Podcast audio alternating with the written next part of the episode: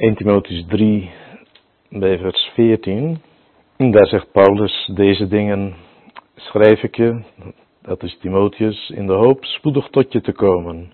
Maar als ik uitblijf, schrijf ik opdat je weet hoe men zich moet gedragen in het huis van God. Dat is de gemeente van de levende God, de pilaar en grondslag van de waarheid. En ongetwijfeld groot is de verborgenheid van de godsvrucht. Hij die geopenbaard is in het vlees, gerechtvaardigd in de geest, gezien door de engelen, gepredikt onder de volken, geloofd in de wereld, opgenomen in heerlijkheid. We hebben in deze brief en in de tweede brief aan Timotheus in zekere zin een geestelijke nalatenschap, testament van de apostel Paulus voor zijn kind in het geloof, zijn medewerker Timotheus. Hij zou niet steeds in zijn nabijheid blijven. In de tweede brief aan Timotheus is apostel Paulus opnieuw gevangen gezet in Rome. Stond hij vlak voor de marteldood. Maar in deze brieven laat hij aan Timotheus zien en via Timotheus ook aan ons zou je kunnen zeggen hoe we ons moeten gedragen als gelovigen, hoe we moeten leven, wat ons gedrag moet zijn in het huis van God, dat is de gemeente van de levende God. En het is nog steeds zo, de ene generatie komt, de andere gaat. We hebben hier geen blijvende stad en we moeten de waarheden die we hebben leren kennen vanuit het woord van God moeten we doorgeven aan betrouwbare mensen, zoals we ook lezen in deze brief, aan een nieuwe generatie. Zodat die op hun beurt het getuigenis van onze Heer kunnen verder dragen. En ook Timotheus zelf wordt daartoe opgeroepen om de dingen door te geven. In 2 Timotheus 2 vers 2. Wat je van mij gehoord hebt onder vele getuigen, vertrouw dat toe aan trouwe mensen, die bekwaam zullen zijn ook anderen te leren. De waarheid van Gods woord mogen we doorgeven aan anderen. Mogen getuigen zijn in onze eigen omgeving van de dingen die we hebben leren verstaan. De dingen van God, de waarheid van God zoals die geopenbaard is in de Heer Jezus Christus.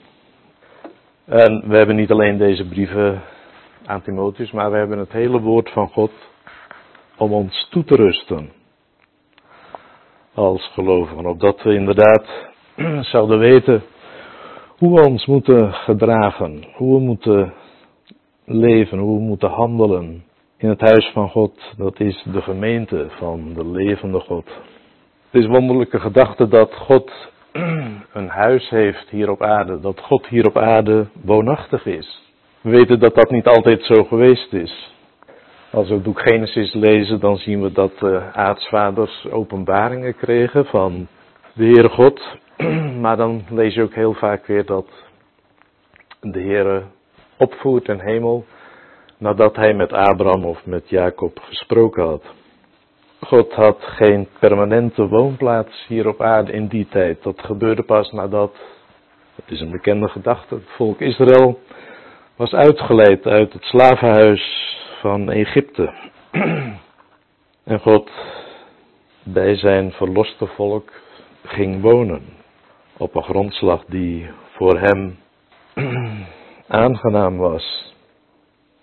God kon bij het verloste volk Israël wonen. En dan ook alleen nog op de manier zoals hij het aangaf. Te midden van een draagbaar heiligdom. De tabernakel die Mozes voor hem moest bouwen. En we weten dat God in dat huis en later ook in de tempel in donkerheid woonde. God was nog niet volkomen geopenbaard zoals hij werkelijk is. Dat is een voorrecht dat beperkt is tot het Nieuwe Testament. God heeft zich volkomen geopenbaard in zijn zoon en in de zending van zijn zoon. En dat is een reden tot eeuwige dankbaarheid voor ons, zoals we ook gezongen hebben in lied 9. God heeft zichzelf nu deze bedeling geopenbaard als de Vader. De Vader, de eeuwige Vader van de eeuwige Zoon, onze Heer en Heiland Jezus Christus. En die heeft Hij naar deze aarde gezonden om te laten zien wie Hij is. En deze Almachtige God die we mogen kennen als onze Vader in Christus, die heeft een huis op aarde, een woonplaats. Een permanente woning. En dat is de gemeente, die de woonplaats van God is in de Heilige Geest. Zoals de apostel in de Efezebrief schrijft. tempel van God. Woonplaats van God in de Geest. En die gemeente die mag dus de waarheid van God, zoals die nu bekendgemaakt is in Christus en in de geschriften van het Nieuwe Testament, bekendmaken in deze wereld. Het is de gemeente van de levende God. En die is de pilaar en de grondslag van de waarheid. Een pilaar in deze wereld, een getuigenis waarop die waarheid van God, om zo te zeggen, tentoongespreid kan worden, tentoongesteld. Die waarheid van God, die is aan haar toevertrouwd, aan deze gemeente van de levende God, die in haar midden woont en wandelt. Wel nu, hoe zouden we deze levende God kunnen dienen en kunnen eren in zijn huis als we niet de Heer Jezus zouden kennen als onze Heer en Heiland, als de gezondene van de Vader. De kern van ons leven als christenen, dat is eigenlijk terug te voeren op het kennen van onze Heer en Heiland, Jezus Christus. En daar gaat het over in vers 16.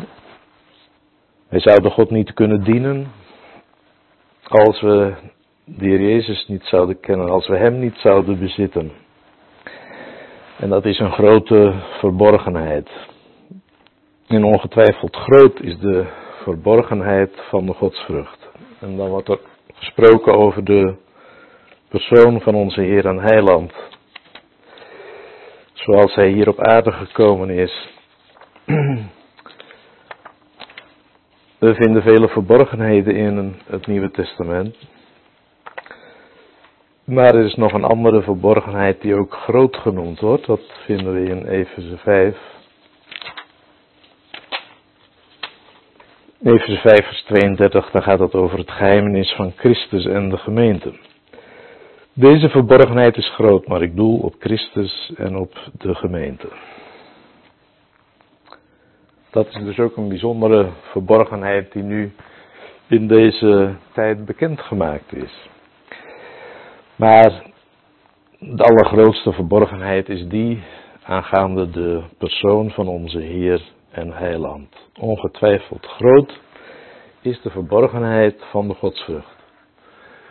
We zouden God niet kunnen kennen, we zouden Hem niet kunnen liefhebben, we zouden Hem niet kunnen dienen als wij geen deel zouden hebben aan deze verborgenheid.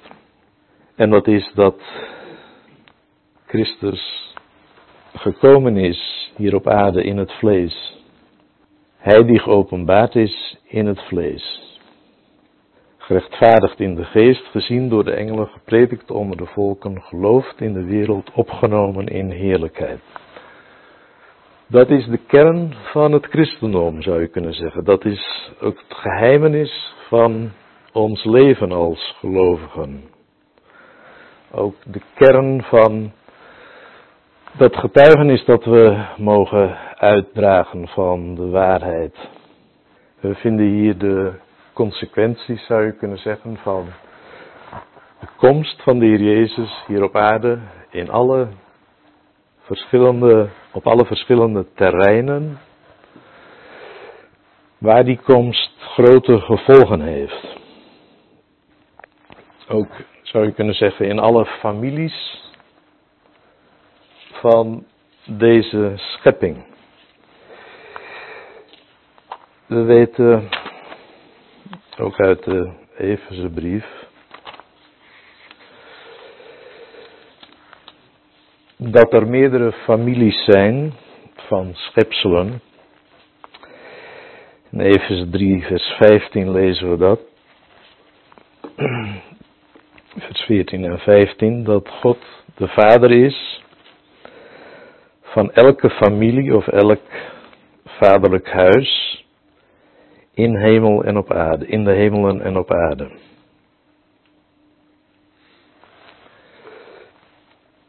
En voor elke familie van schepselen heeft de komst van de Heer Jezus in het vlees grote gevolgen. Natuurlijk allereerst voor de, de mensenfamilie, de familie van de mensen.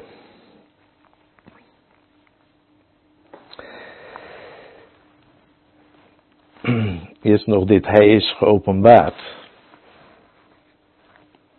Dat is de onzienlijke God. God wordt op verschillende plaatsen de onzichtbare God genoemd. Hij is degene die geen mens gezien heeft of zien kan, zegt apostel Paulus zelfs.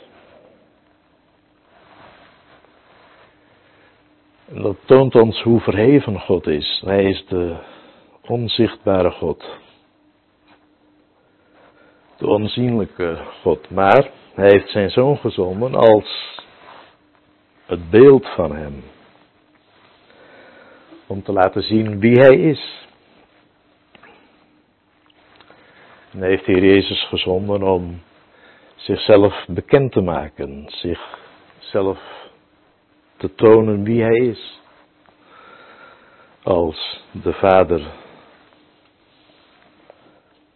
de eeuwige Vader van de eeuwige Zoon. Maar ook God heeft zichzelf bekendgemaakt wie hij is als het leven, als het licht, als de waarheid. En ga zo maar door, we vinden dat natuurlijk heel duidelijk in het Johannesevangelie. God heeft zichzelf willen bekendmaken. Die onzichtbare God, die geen mens gezien heeft en zien kan, die heeft toch zichzelf willen openbaren. En dat heeft hij gedaan door de zending van de Heer Jezus naar deze aarde. En wat heel bijzonder is, is ook dat de Heer Jezus geopenbaard is, dat God geopenbaard is in het vlees. Hij is om zo te zeggen niet op een afstand gebleven. Dat is in het Oude Testament tot op zekere hoogte wel het geval, dat God op een afstand bleef. Ik heb al gezegd, God woonde in donkerheid. En zelfs Mozes kon hem niet zien van aangezicht. Maar in de Heer Jezus, in de komst van de Heer Jezus naar deze wereld, is God, om zo te zeggen, heel dichtbij gekomen. Dicht bij de mensen. God zelf is mens geworden. En dat is het wonder van de komst van de Jezus in het vlees. Hij is geopenbaard in het vlees. Hij heeft bloed en vlees aangenomen.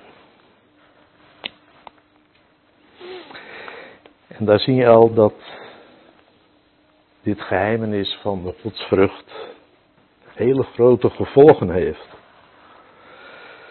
Voor ons als mensen. God is mens geworden. Hij is heel dichtbij gekomen. En de Jezus heeft de plaats ingenomen op het kruis van Golgotha van al diegenen die in hem zouden geloven, die met hem verbonden zouden worden. God is mens geworden in Christus, opdat mensen deel zouden krijgen aan het heil en mensen met Christus verenigd zouden worden, verbonden zouden worden. Heel, op een hele nauwe manier. Wij zijn nu mensen die in Christus zijn. Hij is geopenbaard in het vlees. De Heer Jezus is die unieke mens die bloed en vlees heeft aangenomen. En die ook in de opstanding, na de opstanding, in een menselijke gedaante is verschenen aan de zijnen en ook na veertig dagen is teruggekeerd naar de hemel met een menselijk lichaam. Hij zegt tegen de discipelen, zie en kijk en tast mij. Ik heb een lichaam van vlees en benen. We lezen dat in Johannes 20 als de Heer aan zijn discipelen verschijnt. De discipelen het eerst niet geloven. Nee, dat is dan in Lucas. In Lucas. Lucas 24. De verschijning aan de discipelen, Lucas 24 vanaf vers 36. Dan zegt de Heer, als ze denken dat het een geestverschijning is, in vers 39, ziet mijn handen en mijn voeten dat ik het zelf ben, betast mij en ziet, want een geest heeft geen vlees en beenderen zoals u ziet dat ik heb. Dus een lichaam van vlees en beenderen, ook het opstandingslichaam. Er is wel, het is wel belangrijk dat er niet meer sprake is van het bloed. Het is een lichaam van vlees en beenderen een, en ook een geestelijk lichaam. Hoewel het dus ook materieel is, het is wel een opstandingslichaam. Wel van een andere orde dan onze natuurlijke lichamen. En dat zien we in die tweede omschrijving die we in 1 Timotheus 3 vers 16 vinden, gerechtvaardigd in de geest. We lezen in Romeinen 1 dat de Heer Jezus verklaard is Gods zoon te zijn in kracht door zijn opstanding uit de doden in overeenstemming met de geest der heiligheid. In Romein 1, vers 4. Hij is geboren uit het geslacht van David naar het vlees, vers 3. Romein 1, vers 3. Maar hij is nu verklaard als Gods zoon in kracht naar de geest van de heiligheid door dodenopstanding. De Heilige Geest heeft op deze opgestane mens, om zo te zeggen, ook zijn stempel gedrukt. Hij heeft hem erkend. En de opstanding heeft plaatsgevonden in overeenstemming met de geest van de heiligheid. En hier lezen we, hij is gerechtvaardigd in de geest. Ik denk dat dat ook wel betrekking heeft op het hele leven van de Heer, dat de geest telkens opnieuw zijn goedkeuring, zijn eh, erkenning kon hechten aan de Heer Jezus, aan de reine mensheid van onze Heer, zijn volkomenheid. Denken we maar aan de, het gebeuren bij de, de doop van de Heer Jezus in de Jordaan, als de Heer Jezus gedoopt is en dan uit het water opstijgt en de Heilige Geest in lichamelijke gedaante als een duif op hem neerdaalt. Dat is ook een bewijs van de erkenning van de Heilige Geest dat Hij die unieke mens is. Gerechtvaardigd in de Geest. De Geest verklaarde Hem als degene die heilig, die rechtvaardig was, die, die bijzondere mens was, in wie God zijn welgevallen had. En daarom klonk ook die stem van de Vader uit de hemel. Deze is mijn geliefde zoon in wie ik een welbehagen heb. Maar ik denk zeker ook dat je die tweede bijzin gerechtvaardigd in de geest kunt betrekken op de opstanding van onze Heer Jezus. Gerechtvaardigd in de geest, vrij van alles wat daaraan vooraf gegaan was, vrij van de last van de zonden die de Heer Jezus op zich genomen had, vrij van het, verderf, wat in het graf is, zou je kunnen zeggen, de vergankelijkheid. Van dat alles was de Jezus vrij verklaard. Toen hij als de opgestane verscheen aan zijn discipelen, gerechtvaardigd in de geest. En dat is de geest der heiligheid. Gescheiden van alles wat niet naar Gods gedachte is. Dat is natuurlijk een tegenstelling. Hè? Uh, geopenbaard in het vlees, gerechtvaardigd in de geest. De Jezus is nu die opgestane Heer, die opgestane mens, de tweede mens, de laatste Adam, de mens van een nieuwe orde, met wie wij als gelovigen verbonden zijn, met wie we één gemaakt zijn. Ook weer door het werk van God, de Heilige Geest. En dan zie je verder hoe de, welke consequenties de komst van de Heer Jezus hier op aarde en zijn werk en zijn opstanding ook heeft voor de hele schepping zou je kunnen zeggen. Voor al die families waarvan God de oorsprong is, de Vader. De komst van de Heer Jezus heeft niet alleen gevolgen voor ons. Wel, die gevolgen voor ons natuurlijk ontzettend belangrijk zijn. Maar we lezen hier ook over de engelen. Heer Jezus is gezien door de engelen. Die familie van de engelen. We weten dat de engelen zijn dienende geesten die door God geschapen zijn. Die, hij stelt zijn engelen als vuurvlammen. We kunnen ons ja, geen goede voorstelling daarvan maken, maar de Bijbel spreekt toch daarover, over de, de aard, de natuur, de natuur van de engelen. De serafs vinden we in Jesaja 6, dat betekent ook brandend. En de gerubs zijn ook voorstellingen van engelen. Een gerub met een vlammend zwaard. Zijn schepselen die groter zijn in kracht dan de mensen. Gezien door de engelen. En onze wonderbare Heer en Heiland, die gekomen is in het vlees, die is ook gezien door deze familie van schepselen, gezien door de engelen. En engelen die kwamen om hem te dienen. We vinden dat verschillende situaties in het leven van de Heer, maar ook na de opstanding.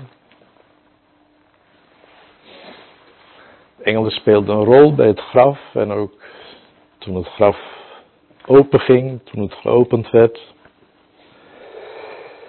Een engel daalde uit de hemel neer en wentelde de steen weg van het graf. En zo zijn er meerdere situaties, ook eerder al bij de verzoeking in de woestijn, engelen kwamen en dienden hem. In de hoofd van Gethsemane werd Heer Jezus gestrekt door een engel, gezien door de engelen. En daar heb je gelijk al een verschil natuurlijk met die familie van mensen en die, de familie van de verlosten. Want bij die engelen wordt niet gezegd dat dat verdere consequenties voor hen heeft. Maar voor ons geldt dat wel. De komst van de Heer in de gedaante, als, de gedaante van een mens heeft hele grote gevolgen voor ons. We zijn, ik heb dat al gezegd, we zijn nu nieuwe mensen geworden grond van zijn dood en van zijn opstanding. We zijn totaal veranderd. En, en dat is niet het geval met de engelen. Engelen hebben hem wel gezien, ze hebben hem gediend. Maar de verlossing, dat is het deel van ons als mensenkinderen. Verloste kinderen van God mogen we zijn. Ook verloren mensenkinderen kunnen gered worden op grond van de evangelieboodschap, op grond van de komst van de Heer Jezus, zijn liefde voor verloren mensenkinderen. De zoon des mens is gekomen om te verlossen, te zoeken en te redden wat verloren was. Maar dat geldt alleen voor mensen, niet voor engelen. Dat is ook een hele wonderlijke zaak eigenlijk als je erover nadenkt. Een bewijs van de goedheid en van de genade, de liefde van God voor ons. O Vader, uw liefde is groot.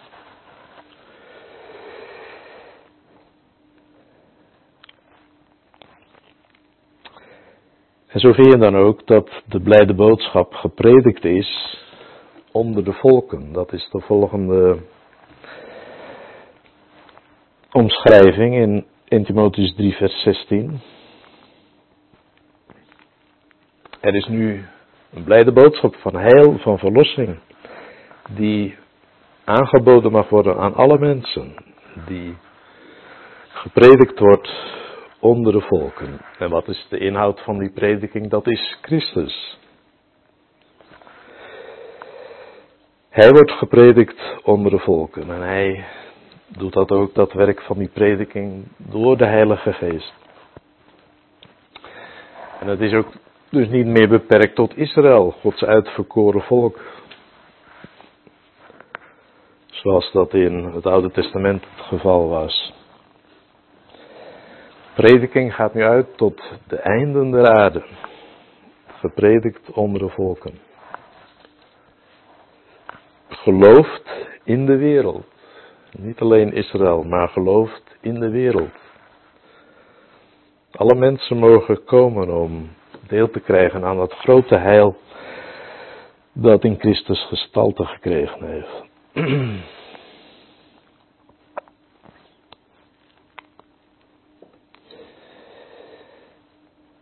Wij mogen daar ook een steentje aan bijdragen, ieder van ons op plaats waar de Heer ons gesteld heeft. Hoe zwak, het, hoe zwak ook misschien is, we mogen getuigen zijn van Hem. We mogen Hem uitdragen. Hem, die heerlijke Heer en Heiland, die het geheimenis is van de godsvrucht. Het geheimenis om God te kennen, om God te dienen, om God te kunnen eren. En zijn komst in het vlees heeft dus verrijkende, vergaande gevolgen. Voor de hele schepping. Voor de familie van de mensen, de familie van de engelen. Voor de volken, voor de wereld. Gelooft in de wereld. De Heer Jezus is nu niet zichtbaar hier op aarde. We moeten in Hem geloven. Geloof in mij. U gelooft in God, geloof ook in mij. Zegt Heer tegen zijn discipelen. Hij is een voorwerp van geloof. En door het geloof kunnen wij tot God komen. Door het geloof kunnen we tot God naderen kunnen we Hem dienen. In een wereld die God niet kent. En de laatste omschrijving hier in 1 Timotheus 3 vers 16, die laatste zin, die geeft ook aan hoe groot de gevolgen zijn van de komst van de Heer. Want Hij is als mens, die God geopenbaard is in het vlees, nu opgenomen in heerlijkheid. We hebben daar vanmorgen over gelezen in Johannes 17, hoe de Heer Jezus is teruggekeerd naar die heerlijkheid, die hemelse heerlijkheid die Hij bij de Vader had, voordat de wereld was, opgenomen in heerlijkheid. We hebben als gelovigen een hemels perspectief. Die heerlijkheid waarin de Heer Jezus als mens is teruggekeerd. Die heerlijkheid, die heeft Hij ook voor ons bereid. Die heerlijkheid die u mij gegeven hebt, heb ik hun gegeven. En vader, ik wil dat degene die u mij gegeven hebt bij mij zijn, opdat zij mijn heerlijkheid zullen zien. opgenomen in heerlijkheid. Is, geeft dat niet een geweldige inhoud aan ons leven? Dat we die heerlijkheid, die hemel als het ware steeds boven ons mogen weten. Dat we weten dat dat onze toekomst is, dat dat ons vooruitzicht is. Opgenomen in heerlijkheid. En denkt u dan maar aan 1 Thessalonicense 4. Opname van de gemeente in heerlijkheid. Die er zal komen om al de zijnen tot zich te roepen, tot zich te trekken. En vanuit die heerlijkheid die dan geopenbaard zal worden, zullen we ook met de Heer Jezus mogen regeren, met Hem mogen heersen over die herstelde aarde in het komende vrederijk. Het Nieuwe Jeruzalem draagt de heerlijkheid van God. Zijn dat geen wonderlijke dingen, geen grote dingen die we mogen kennen, die we mogen weten, die we mogen genieten? En dat is allemaal het geheimenis van de godsvrucht. En dat gaat dus niet buiten die ene persoon om, buiten de Heer Jezus, die het middelpunt daarvan is. En die ook het middelpunt is van ons getuigenis, van het getuigenis van de gemeente.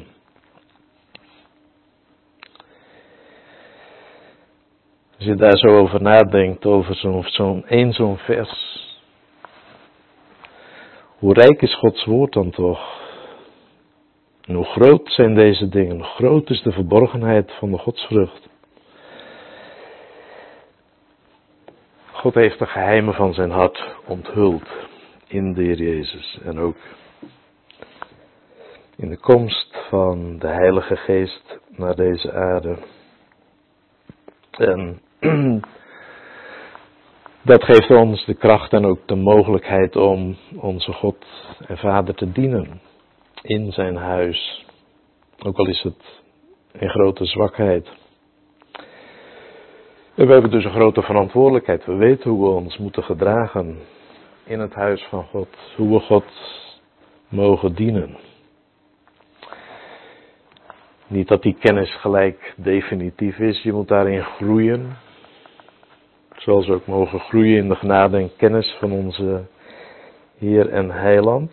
Maar toch, Paulus zegt tegen Timotheus, je weet het. Je weet hoe je je moet gedragen. En we weten dat, ja, in ons eigen hart ook wel, denk ik. En dan vaak denk je, hé, hey, het was niet zoals het zijn moest. En dan moeten we dat voor de Heer beleiden en ook in orde brengen. Maar in principe weten we het hoe we ons moeten gedragen in het huis van God. Hoe we moeten leven en handelen, hoe we moeten wandelen in overeenstemming met de gedachten van God. En geef de Heer ons alle daartoe meer genade.